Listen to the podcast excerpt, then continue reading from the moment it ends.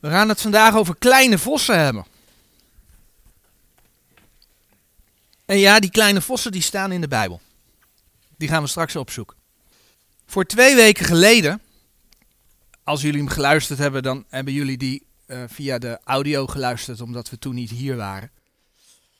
Maar toen is het thema besproken, de Heere God gebruikt kleine dingen. En daar waar mensen veelal gericht zijn op groot en op veel, dan zien we dat de Heer juist kijkt naar het kleine. En we zagen allerlei voorbeelden. Een klein beetje meel en een klein beetje olie kon de Heer gebruiken om Elia en, en een weduwvrouw van eten te voorzien. We zagen hoe een klein meisje getuigde en hoe daardoor een Syrische, na, uh, Syrische man, de Heere God leerde kennen. We zagen hoe Naaman grote dingen verwachtte, terwijl hij eigenlijk iets heel simpels moest doen. En dat simpele dat hield in dat hij ja, eigenlijk moest doen wat de Heer had gezegd. Hij moest luisteren naar Gods woord, wat, wat hem via de profeet werd aangereikt. Zo zagen we hoe de Heer een kleine jongen gebruikte, die kwam met slechts vijf broden en twee vissen, om een hele grote menigte van, van eten te voorzien. En we zagen hoe de Heer het ook ziet als iemand niet veel heeft, en dan toch geeft aan de Heer, hoe de Heer dat ziet. Gezien aan de hand van het voorbeeld van de weduwe met de twee penningskens. De Heere ziet op het kleine. De Heere ziet op het kleine. De Heere gebruikt het kleine. En het gaat niet om onze kracht. Sterker nog, als wij op onze kracht vertrouwen en wij denken dat we wel krachtig zijn, dan zien we de dingen mislukken. De Heere zegt in Openbaring 3, vers 8: Gij hebt kleine kracht en gij hebt mijn woord bewaard. Dus juist als je beseft dat je kleine kracht hebt, dan wil de Heer dat weinige, dat kleine gebruiken. En dan wil de Heer je een geopende deur geven. Maar zoals de Heer op het kleine ziet, ziet hij ook op kleine zonden. En ook dat is goed om te beseffen. Want als het om zonde gaat, dan zijn wij mensen meestal niet geneigd om groot te denken, maar dan denken we juist klein. Dan zeggen mensen al heel gauw, ja, weet je, ik heb nog nooit iemand vermoord. Of, uh, nee, weet je, ik ben zo slecht niet. Ik houd me aan de regels, ik probeer goed te leven en God, God die ziet dat. God die ziet dat ik mijn best doe. Of nee hoor, ik heb helemaal niet gelogen. Weet je, het is maar net hoe je het verhaal vertelt. Tegenwoordig zeggen ze, ik heb er geen actieve herinnering aan. Goed, ander verhaal. Um, ja, een leugentje om best wil. Een leugentje om best wil. Ja, dat praten wel gauw goed. Maar hoe klein de zonde ook is, de Heere ziet het. En zijn woord waarschuwt daartegen. In januari van dit jaar hebben we stilgestaan bij dit thema, Gods vergeving zoeken. Gods vergeving zoeken. En we hebben gezien dat, dat ook als je de Heer dus kent als je persoonlijke verlosser, ja, dat we het nodig hebben. Vanmorgen is het ook nog genoemd in het eerste uur. Dat je de Heer nodig hebt, dat je zijn vergeving moet zoeken, dat je moet beleiden. Omdat anders de relatie met de Heer niet goed is.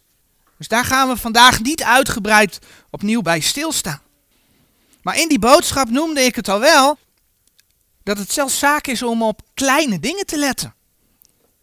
En dat we zelfs kleine dingen ja, moeten, moeten beleiden. Dat we ons daarvan moeten reinigen. En bij die kleine dingen willen we vanmorgen stilstaan. Willen we dit tweede uur stilstaan. En de eerste vers wat we daarvoor opzoeken, dat vinden we in Jacobus 2 vers 10. Jacobus 2 vers 10 en 11. En er staat geschreven, want wie de gehele wet zal houden en in één zal struikelen, die is schuldig geworden aan allen.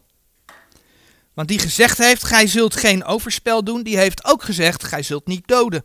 Indien gij nu geen overspel zult doen, maar gij zult doden, zo zijt gij een overtreder van de wet geworden. Dus de Heere God laat in die versen zien dat als je één gebod treedt, overtreedt, dat je eigenlijk alle geboden overtreden hebt. Dus om even bij de tien geboden te blijven. Voor de Heer is het net zo erg als je stilt. Of dat je je vader en moeder niet eert. Het ene staat in Exodus 20 vers 15, het andere staat in Exodus 20 vers 12. En eigenlijk maakt die wet duidelijk dat je als mens die wet eigenlijk niet kunt houden. En dat komt door onze zondige natuur. we zijn opnieuw geboren, maar we leven nog steeds in dat pakje vlees. En de Heer laat zien dat dat vlees verleidt tot zonde. We kunnen die wet niet houden.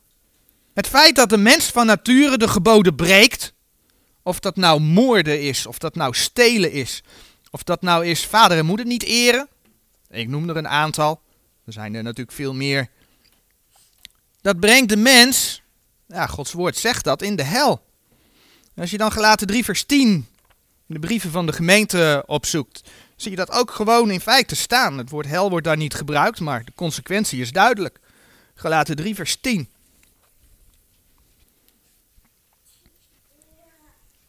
Want zoveel, gelaten 3 vers 10.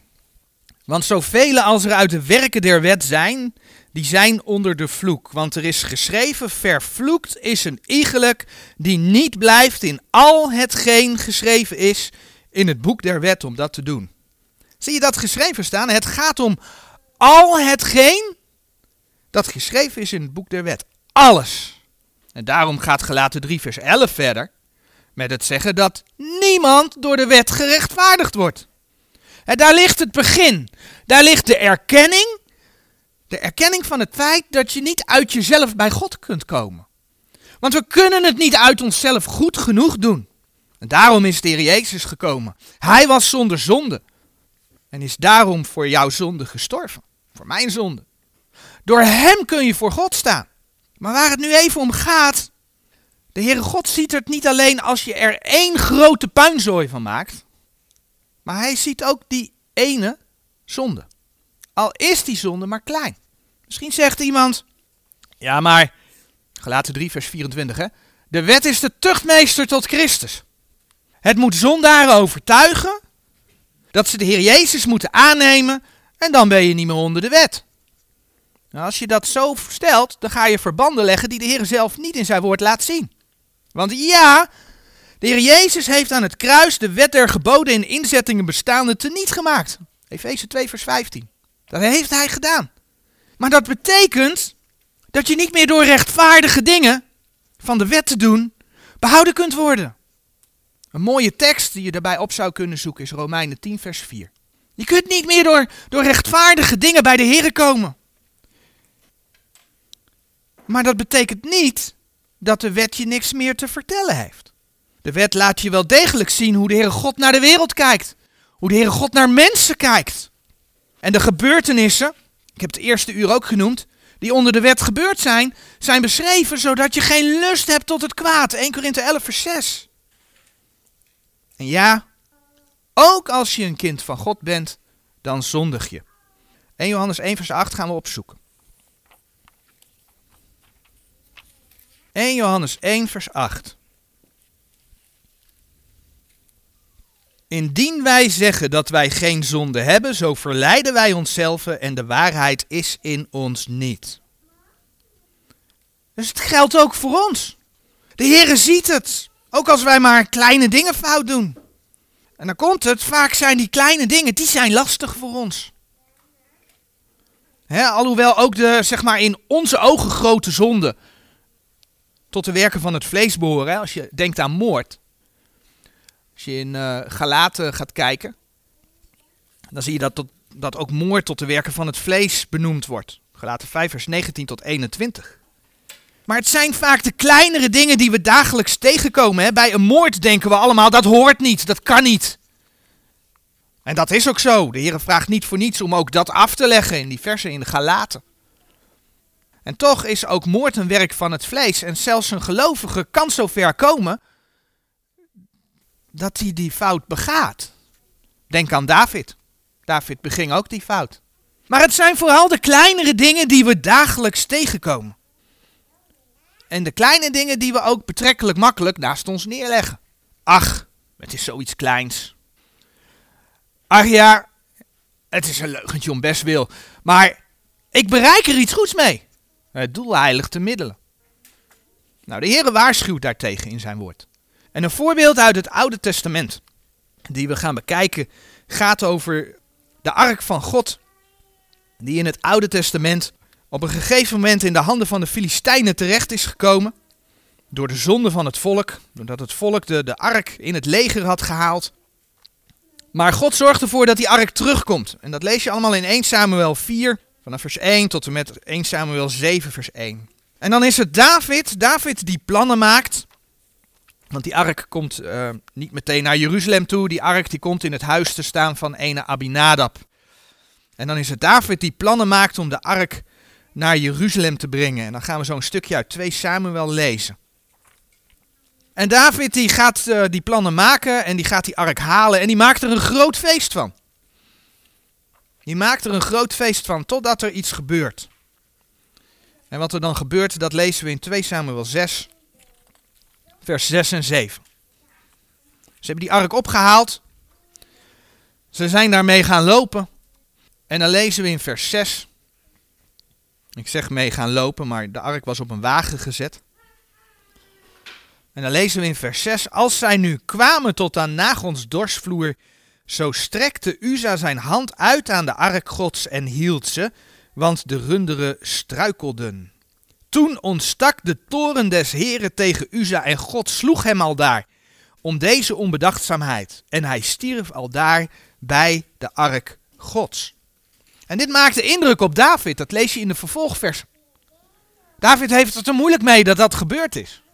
Maar waarom sloeg de Heere Uza? Waarom stierf deze man ter plekke? Was het niet goed wat hij deed? Ik bedoel, ze wilden de ark naar Jeruzalem brengen. En Uza zag dat de runderen struikelden. En eigenlijk is het enige wat hij wilde doen, voorkomen dat die ark zou vallen. En dat die ark kapot zou gaan. Dat wilde hij voorkomen. Dat was toch een goede daad van Uza. Het punt is dat David zich niet aan Gods woord hield. Later onderneemt David alsnog een poging om die ark naar Jeruzalem te brengen. En die poging die slaagde. Dat ging goed. En waarom ging het toen goed? Omdat David zich toen aan Gods woord hield. Die eerste keer hield David zich niet aan Gods woord. En dat vinden we onder andere beschreven in uh, 2 Samuel 6, vers 12 tot en met uh, 23, die tweede poging. Maar we gaan naar 1 Kronieken toe, want daar worden wat extra details uh, beschreven. Die in dit geval wel belangrijk zijn. 1 Kronieken 15. Daar komen we ook de geschiedenis tegen dat de ark naar Jeruzalem gebracht wordt. En dit is dan de tweede keer, zeg maar, de tweede poging. En dan lees je in vers 2 van 1 Kronieken 15. Toen zeide David, niemand mag de ark gods dragen dan de Levieten. Want die heeft de Heere verkoren om de ark gods te dragen. En om, om hem te dienen in der eeuwigheid. De Heere had in de wet namelijk geboden dat wanneer de tabernakel en alles wat daarbij hoorde gedragen werd, als dat verplaatst ging worden, dan moest dat gedragen worden. Maar dan moest het ook eerst afgedekt worden. Als je dat wil lezen kun je vinden in nummer 4 vers 15. Dan moest het afgedekt worden, dan moest het gedragen worden door de levieten. Heel specifiek, door de levieten. En daar wordt daar ook bij gezegd dat als ze dat niet aanraken, dan zouden ze niet sterven. Met andere woorden, als ze het wel zouden aanraken, dan zouden ze sterven. Dan kun je nummer 4 vers 15 lezen. Daarom stierf Uza. David en Uza hadden zich niet aan Gods woord gehouden. Laten we in 1 Kronieken 15 vanaf vers 11 nog een stukje lezen. En David riep de priesters Zadok en Abjatar en de levieten Uriel, Azaja en Joel, Samaja en Eliel en Aminadab. En hij zeide tot hen, gij lieden zijt hoofden der vaderen onder de levieten. Heiligt u, gij en uw broeders, dat gij de ark des Heren, des Gods van Israël, opbrengt ter plaatse die ik voor haar bereid heb. Want omdat gij lieden in het eerst dit niet deed, heeft de Heere onze God onder ons een scheur gedaan, omdat wij hem niet gezocht hebben naar het recht. Zo heiligden zich dan de priesters en levieten om de ark des Heeren des Gods van Israël op te brengen. En de kinderen der levieten droegen de ark Gods op hun schouders, met de draagbomen die op hen waren, gelijk als Mozes geboden had, naar het woord des Heeren. Het kan nog zo'n klein detail van de wet lijken. Het staat niet eens in de tien geboden, zullen we maar zeggen. Want die zijn eigenlijk wel bekend als de wet. Maar de wet is natuurlijk de vijf boeken van Mozes. Zo'n klein detail uit de wet, ergens in nummerie. Maar David moest leren om de Heere God op zijn woord te gehoorzamen. En niet alleen de tien hoofdgeboden, om het maar even zo te zeggen, maar zijn hele woord. Dat moest David leren. De Heere ziet elk detail, ook in ons leven. Laten we naar een ander voorbeeld kijken. En we vinden dat weliswaar ook in het Oude Testament, maar het brengt ons profetisch bij de gemeente. En dan bladeren we naar Hooglied. Het Bijbelboek Hooglied is best wel een bijzonder boek. Een bijzonder Bijbelboek. Want ondanks dat het in het Oude Testament staat, verwijst het naar de Heer Jezus en naar de gemeente. En omdat het een liefdesgeschiedenis tussen de schrijver, de bruidegom, een koning, koning Salomo en zijn bruid is, verwijst het dus naar de Heer Jezus als bruidegom en de gemeente als bruid. Nou, waarom is Hooglied een verwijzing naar de Heer Jezus en de gemeente? Als je ziet dat het gaat over een bruidegom en een bruid, waarvan de bruidegom de koning Salomo is, waarvan de bruid een vrouw uit de heidenvolken is. Dat kun je vinden in Hooglied 1 vers 5, 6, 9 1 en 1 Koningen 3 vers 1. Die kun je met elkaar vergelijken. En dan zie je, het is, het is een vrouw uit de heidenvolken. Dit gaat over een, een, een Joodse koning, Heer Jezus, die een vrouw uit de heidenvolken huwt. En dat wijst dan op de gemeente. Nou, in Hooglied 2 lezen we dan een gedeelte dat profetisch heen wijst naar de opname van de gemeente. Laten we het lezen in Hooglied 2 vanaf vers 8. Hooglied 2 vanaf vers 8. Dat is de stem mijns liefste. Zie hem, hij komt springende op de bergen, huppelende op de heuvelen. Mijn liefste is gelijk een ree of een welp der herten. Zie, hij staat achter onze muur, kijkende uit de vensteren, blinkende uit de traliën. Mijn liefste antwoordt en zegt tot mij: Sta op, mijn vriendin, mijn schone, en kom. Want zie, de winter is voorbij, de plasregen is over, hij is overgegaan. De bloemen worden gezien in het land, de zangtijd genaakt, en de stem der tortelduif wordt gehoord in ons land. De vijgenboom brengt zijn jonge vijgjes voort en de wijnstokken geven reuk met hun jonge druifjes. Sta op, mijn vriendin, mijn schone, en kom. Mijn duiven zijnde in de kloven der steenrots, in het verborgene eener steile plaats. Toon mij uw gedaante, doe mij uw stem horen, want uw stem is zoet en uw gedaante is lieflijk. Vangt gij lieden ons de vossen, de kleine vossen, die de wijngaarden verderven, want onze wijngaarden hebben jonge druifjes. Mijn liefste is mijne, en ik ben zijne, die wijdt onder de leliën. Totdat de dag aankomt en de schaduwen vlieden. Keer om, mijn liefste, wordt gij gelijk een ree of een welp der herten op de bergen van Beter. Nou, het thema van morgen is niet de opname van de gemeente. Maar voor de context is het wel goed om het er even over te hebben. Want waarom gaat het hier over de opname van de gemeente? Nou, kijk wat er in Hooglied 2, vers 10 staat, waar de bruidegom de bruid roept. Mijn liefste antwoordt en zegt tot mij: Sta op, mijn vriendin, mijn schone, en kom. Dit is een duidelijke roep om te komen. En als je dan in openbaring gaat kijken, dan zie je dat Johannes als beeld van de opname van de gemeente in openbaring 4, dat zit tussen de beschrijving van de gemeentetijd van openbaring 2 en 3 en de beschrijving van de grote verdrukking van openbaring 4 tot en met 18, zeg maar, in, krijgt Johannes die oproep om in de hemel te komen. Daar wordt hij opgenomen. En wat staat er dan in openbaring 4 vers 1 dat Johannes hoort? Kom hier op. Johannes werd geroepen. En als we dan kijken, het bekende gedeelte over de opname in 1 Thessalonicense. 1 Thessalonicense 4 vers 16. Wat gaat er gebeuren als de Heer komt om zijn gemeente te halen? Want dat zeggen wij u door het woord des Heren, dat wij die levend overgebleven zullen zijn. Sorry, dat is vers 15. Zullen tot de toekomst des Heren niet zullen voorkomen degenen die ontslapen zijn. Want de Heere zelf zal met een geroep, met een geroep, met de stem des archangels en met de bazuin gods nederdalen van de hemel. En die in Christus gestorven zijn, zullen eerst opstaan. Ik lees vers 17 er nog even bij. Daarna wij die levend overgebleven zijn, zullen tezamen met hen opgenomen worden in de wolken, de Heere tegemoet in de lucht. En alzo zullen wij altijd met de Heere wezen. Want de Heere zelf zal met een geroep, met de stem des archangels en met de bazuin Gods nederdalen. De Heere komt dus met geroep. Hij zal ons thuis roepen. Kom hier op. Als je een andere geschiedenis in de Bijbel eh, denkt, dan weet je dat de wereld die zal iets van donder horen. Er zijn diverse heenwijzen die daar ook op wijzen. Kom hier op, wat Johannes hoorde. De roep die we in 1 Thessalonicense 4 vers 16 gezien hebben. En dan lezen we in Hooglied 2 vers 10 dat de bruidegom zegt: Sta op, mijn vriendin, mijn schone, en kom. Dat is de roep van de Heer voor zijn bruid om te komen. En dan lezen we nogmaals Hooglied 2, vers 8. Maar staat: Dat is de stem mijns liefste. Zie hem, hij komt springende op de bergen, huppelende op de heuvelen. Maar met de opname zullen zijn voeten toch niet op de aarde staan? Ja, dat klopt. De Heer Jezus komt ons in de lucht tegemoet.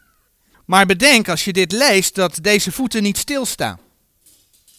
Hij springt en hij huppelt, staat er geschreven.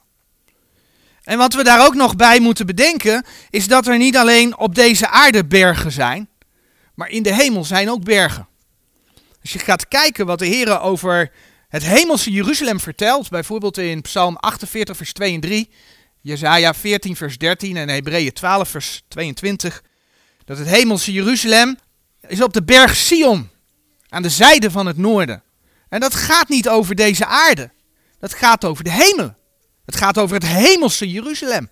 Dus dan hebben we het over het universum. En als de Heer komt, als Hij terugkomt, als Hij ons tegemoet komt in de lucht, dan is Hij blijkbaar verheugd, verheugd om zijn bruid te ontmoeten. Hij springt en hij huppelt, hebben we gelezen. Hij noemt haar mijn vriendin, mijn schone, hooglied 2 vers 10. Hij noemt haar mijn duiven, hooglied 2 vers 14. En hij ziet naar haar uit. In het tweede deel van Hooglied 2, vers 14, daar hebben we gelezen. Toon mij uw gedaante, doe mij uw stem horen, want uw stem is zoet en uw gedaante is lieflijk. De Heere ziet er naar uit om zijn gemeente te halen. En zoals de bruidegom verlangt naar de bruid, lezen we dat de bruid verlangt naar de bruidegom. Hooglied 2, vers 16. Mijn liefste is mijne en ik ben zijne, die wijdt onder de leliën. Verlang je naar de Heer? Verlang je erna om Hem tegemoet te gaan in de lucht? Maar te midden van dit alles, daar lezen we Hooglied 2 vers 15. En dat is eigenlijk waar het om gaat vanmorgen. Vangt gij lieden ons de vossen, de kleine vossen, die de wijngaarden verderven, want onze wijngaarden hebben jonge druifjes. Hier komen we terecht bij de beeldspraak die de Heer in zijn woord gebruikt voor bijvoorbeeld Israël. Het is alweer een tijdje terug dat we daarbij stil hebben gestaan. Maar de Heer vergelijkt Israël bijvoorbeeld met de vijgenboom. De vijgenboom die verdort. Maar er komt een moment dat die vijgenboom weer gaat uitlopen. Dat is de belofte van God aan Israël dat Israël zal herstellen. De volken hebben die belofte niet. Als God met als, als Israël herstelt, gaat God met de volken afrekenen. Israël heeft die belofte wel. Israël gaat dus weer vrucht dragen. Maar als de Heer de gemeente haalt, dan zal de tijd van Jacobs benauwdheid ertoe leiden dat Israël de Heer gaat aannemen. Israël zal in die grote verdrukking tot bekering komen. En dan zeg ik Israël, maar bedenk wel dat de Bijbel schrijft over het overblijfsel van Israël. Heel vaak wordt er van uitgegaan dat, dat God ook nu Israël wel beschermt. Maar als je in Zacharia leest, dan weet je dat Israël nog flink onder de voet gaat, gelopen gaat worden. Er gaat nog heel veel gebeuren. Maar uiteindelijk, het overblijfsel zal zich bekeren en zal de Heer aannemen. Dat is wat God in de, in de gelijkenissen, onder andere over de vijgenboom, laat zien. Nou, in Hooglied 2 vers 13, daar wordt gesproken over de vijgenboom brengt zijn jonge vijgjes voort en de wijnstokken geven reuk met hun jonge druifjes. Sta op, mijn vriendin, mijn schone, en kom. Maar dit vers spreekt ook over jonge druifjes. En ja, Israël wordt ook vergeleken met een wijngaard. Een wijngaard die verwoest is, omdat Israël de Heere gedood heeft. En in een gelijkenis over die wijngaard zegt de Heer tegen de Joodse leiders, die zoeken we even op in Matthäus 21, het volgende.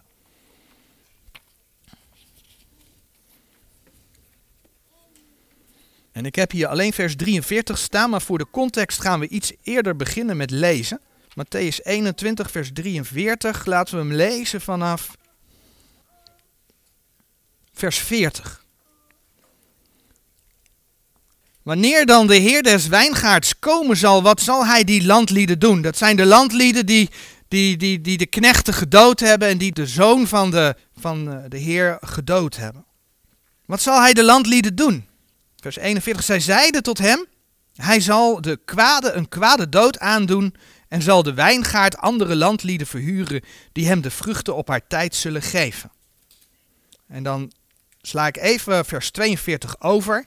Het heeft er wel mee te maken, maar dat raakt weer andere dingen. En dan vers 43, daar zegt dan de Heer Jezus, daarom zeg ik u lieden, dat het koninkrijk Gods van u zal weggenomen worden en een volk gegeven dat zijn vruchten voortbrengt. De Heer zegt hier niet dat hij de wijngaard neemt en aan een ander volk geeft. Het is dus niet zo dat het land Israël nu van de gemeente is. Maar hij zegt wel het koninkrijk Gods. Ja, en dan voor sommigen misschien lastig. Maar de Bijbel maakt onderscheid tussen het koninkrijk der hemelen en het koninkrijk Gods. En waarom lastig? Omdat ik nu in een heel kort tijd een onderwerp even noem wat wel vrij uitgebreid is. Maar het koninkrijk der hemelen gaat over het duizendjarig vrederijk. De hemelen zijn door God geschapen. Dat gaat over het tastbare. Het koninkrijk Gods, dat wordt omschreven als een geestelijk koninkrijk. Dat koninkrijk der hemelen is uitgesteld. Dat gaat nog komen. Als de Heer terugkomt, sticht hij zijn koninkrijk op aarde. Maar het koninkrijk Gods, daar hebben wij deel aan. Het koninkrijk der hemelen kom je dan ook niet tegen in de brief aan de gemeente, maar Paulus verkondigt wel het koninkrijk Gods. Teksten die je daarvan kunt vinden is Romeinen 14 vers 17, 1 Korinthe 4 vers 20 en Lucas 17 vers 21. Waarom vertel ik dat? Omdat je in die tekst in Matthäus leest dat het koninkrijk Gods aan een ander volk gegeven wordt dat zijn vruchten draagt. Het is de gemeente gegeven om nu in deze tijd vrucht te dragen voor de Heer. Het gaat dus over de gemeente. Het is de gemeente gegeven. Niet het land Israël. Dat wil de kerk wel. De kerken. Nee, niet het land Israël. Dat krijgt Israël terug. Israël gaat herstellen. Maar het koninkrijk Gods is aan de gemeente gegeven. En zij dragen vrucht. En als we dan naar die vrucht kijken, dan zien we dat de gemeente inderdaad vrucht mag dragen. In het gedeelte waar de Heer spreekt over het niet volbrengen van de werken van het vlees. Galaten 5, is ook al eerder genoemd, vers 16 tot en met 21. Daar zegt hij in Galaten 5, vers 22. Ik denk dat het een heel bekend vers is. Galaten 5, vers 22. Maar de vrucht des geestes is liefde, blijdschap, vrede, langmoedigheid, goedertierenheid, goedheid, geloof, zachtmoedigheid, matigheid. Er zijn andere plekken in de Bijbel, bijvoorbeeld Johannes 15, vers 5, dat de Heer ons oproept om vrucht te dragen. Als je daaraan denkt dat de Heer ons oproept om vrucht te dragen, dat de Heer ons het koninkrijk Gods gegeven heeft om vrucht te dragen. Lees dan Hooglied 2, vers 15 nog eens. Hooglied 2, vers 15. Vangt gij lieden ons de vossen, de kleine vossen die de wijngaarden verderven, want onze wijngaarden hebben jonge druifjes. Wij worden dus gewaarschuwd tegen de kleine vossen, omdat die de vrucht van de wijngaarden verderven. En natuurlijk moeten we ook oppassen voor de grote vossen. Maar we worden met name gewaarschuwd tegen die kleine vossen. Vossen zijn sluwe dieren. En sluw, een ander woord daarvoor, is ook wel listig. Het was de duivel die als de listige slang Eva verleidde om niet te luisteren naar Gods woord. Genesis 3, lees je dat? Genesis 3, de eerste vijf versen. En vaak gaat het dan om, en dat zie je in die context, gaan we nou niet opzoeken, hebben we het vaker over gehad, dat dan iets weggelaten wordt uit Gods woord. Of er wordt een klein beetje toegevoegd aan Gods woord. Iets weglaten, toevoegen, zodat je het woord maar niet doet. Niet leest, niet uitvoert. Ik zal het woord vertaling vandaag niet noemen. Maar een klein dingetje toevoegen leidt vaak, of wegdoen, dat er ook iets met een ander dingetje moet gebeuren. Oftewel, het breidt uit. En ik denk dat we 1 Korinthe 5 vers 6 wel kennen. Dat de Heer zegt dat een klein beetje zuurdeeg het hele deeg zuur maakt. Het begint met iets kleins, maar het wordt groter. En laten we wel zijn, als je naar dat kleine vosje kijkt, wat lief hè. Een lief beestje toch? Vaak lijken die kleine dingen lijken ook nog wel lief en onschuldig. Maar die kleine vos wordt wel een grote vos. Dus we worden opgeroepen om de kleine vossen te vangen. Kleine vossen die door kleine gaten kunnen van de omheining van de wijngaard. En de Heer Jezus die waarschuwt de fariseeën in, in Matthäus 23 vers 27. Daar zegt hij tegen hen.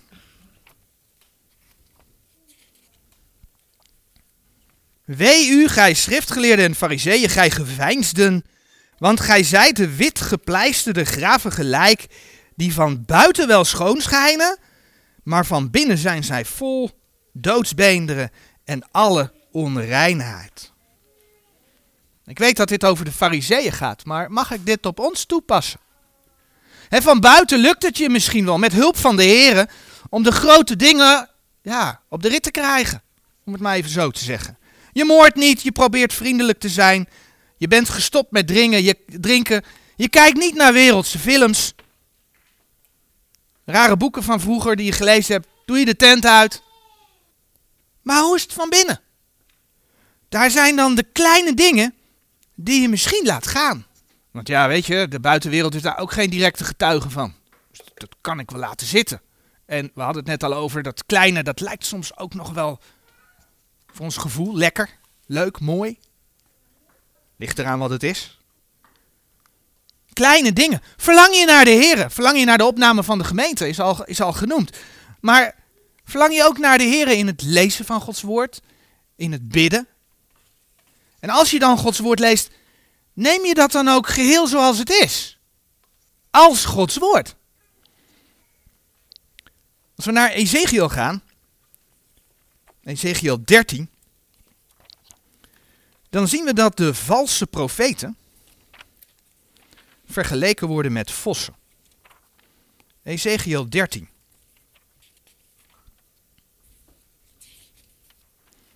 Vers 3 en 4. Zo zegt de Heere, Heere, wee over de dwaze profeten die hun geest nawandelen en hetgeen zij niet gezien hebben. Uw profeten, o Israël, zijn als vossen in de woeste plaatsen. Mensen die roepen om namens de Heere te spreken, maar dat niet doen. En vaak zeggen ze dan namens de Heer te spreken, maar los van Gods woord. Soms spreekt het Gods woord zelfs recht tegen. Regelrecht tegen. Je komt het in diverse kringen tegen, maar laten we naar onszelf kijken. Nemen wij in alle dingen het hele woord van God voor waar aan? Leven we ernaar? Of, dan moet ieder voor zichzelf afvragen, of zijn er kleine vossen, kleine sluwe vossen, die ons ervan afhouden? En die denken van, ach weet je. Een ander die in Gods woord met een vos vergeleken wordt, is Herodes. Je kunt dat vinden in Lucas 13, vers 31 en 32. Herodes die, dat staat duidelijk in de Bijbel, die niet leefde naar Gods woord. En Johannes de Doper liet onthoofden. Waarom deed hij dat? Omdat hij zelf geen gezichtsverlies wilde lijden. Want hij had het beloofd aan zijn dochter en hij had uh, gezworen, noem het maar op. Dus hij kon geen gezichtsverlies lijden. Hij liet Johannes de Doper onthoofden. Matthäus 14, vers 3, vers 4, vers 9. Herodes die de Heer Jezus wel wilde zien, maar hem niet geloofde. En die hem daarom ook bespotte. Lucas 23, eh, vers 8 tot en met 12. Dat is Herodes. En Herodes is dan misschien een grote vos. Hè, een, een, een duidelijk voorbeeld van hoe het niet moet. Maar als we het over de kleine vossen hebben, doe je je naar een ander misschien anders voor dan wie je bent. We hebben het voorbeeld van de fariseeën gezien. Wil je je mooier voordoen? Geef je daarmee een valse indruk van jezelf. de fariseeën die ten eerste graag gezien wilden worden op de hoeken van de straten. Matthäus 6, eh, vers 5.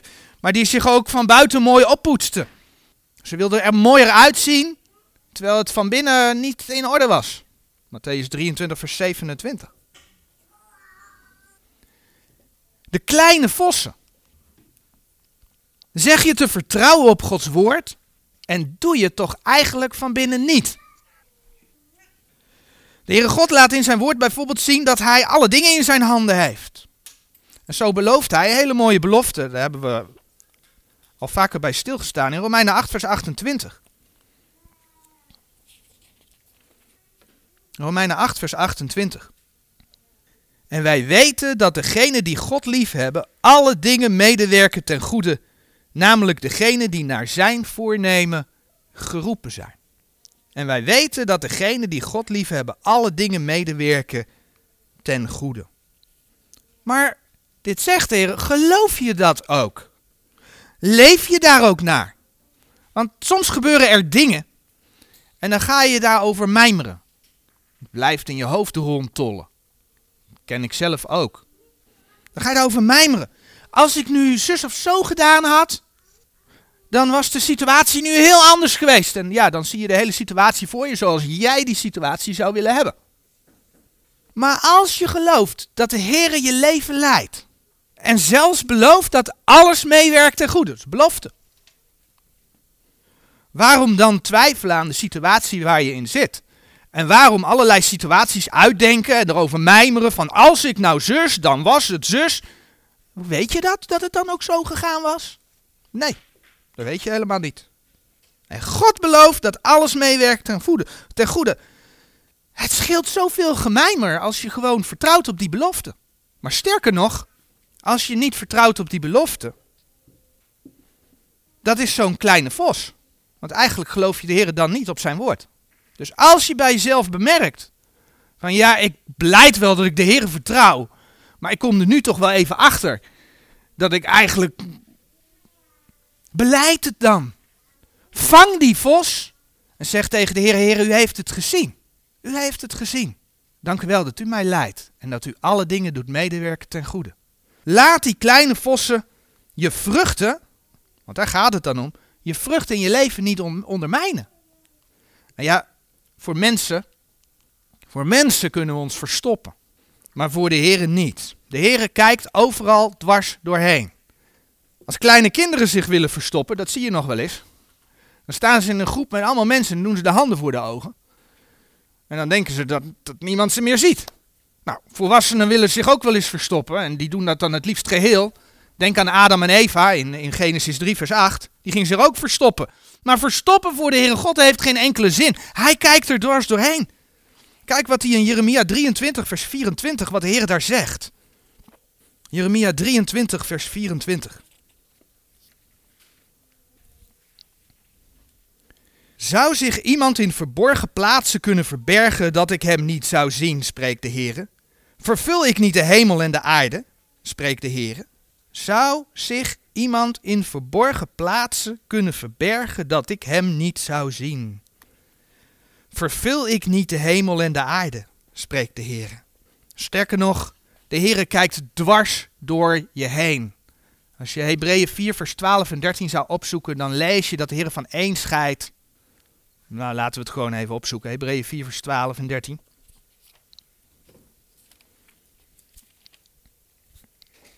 Want het woord Gods is levend en krachtig en scherp snijdender dan enig tweesnijdend zwaard en gaat door tot de verdeling der ziel en des geestes en der samenvoegselen en des mergs en is een oordeler der gedachten en der overleggingen des harten.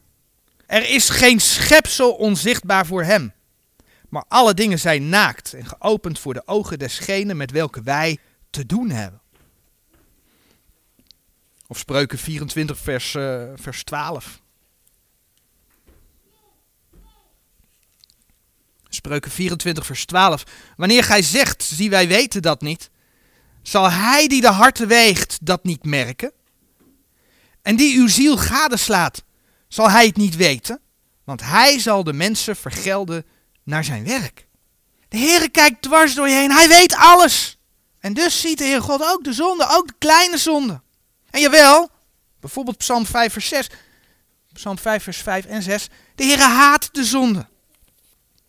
En daarom is het zo belangrijk om die kleine vossen te vangen.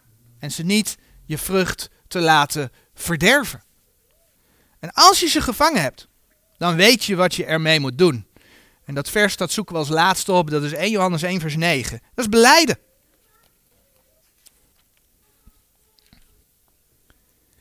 Indien wij onze zonde beleiden, hij is getrouw en rechtvaardig, dat hij ons de zonde vergeven en ons reinigen van alle ongerechtigheid. Niet van één, niet van twee, niet van drie, noem maar op, maar van alle ongerechtigheid. Amen.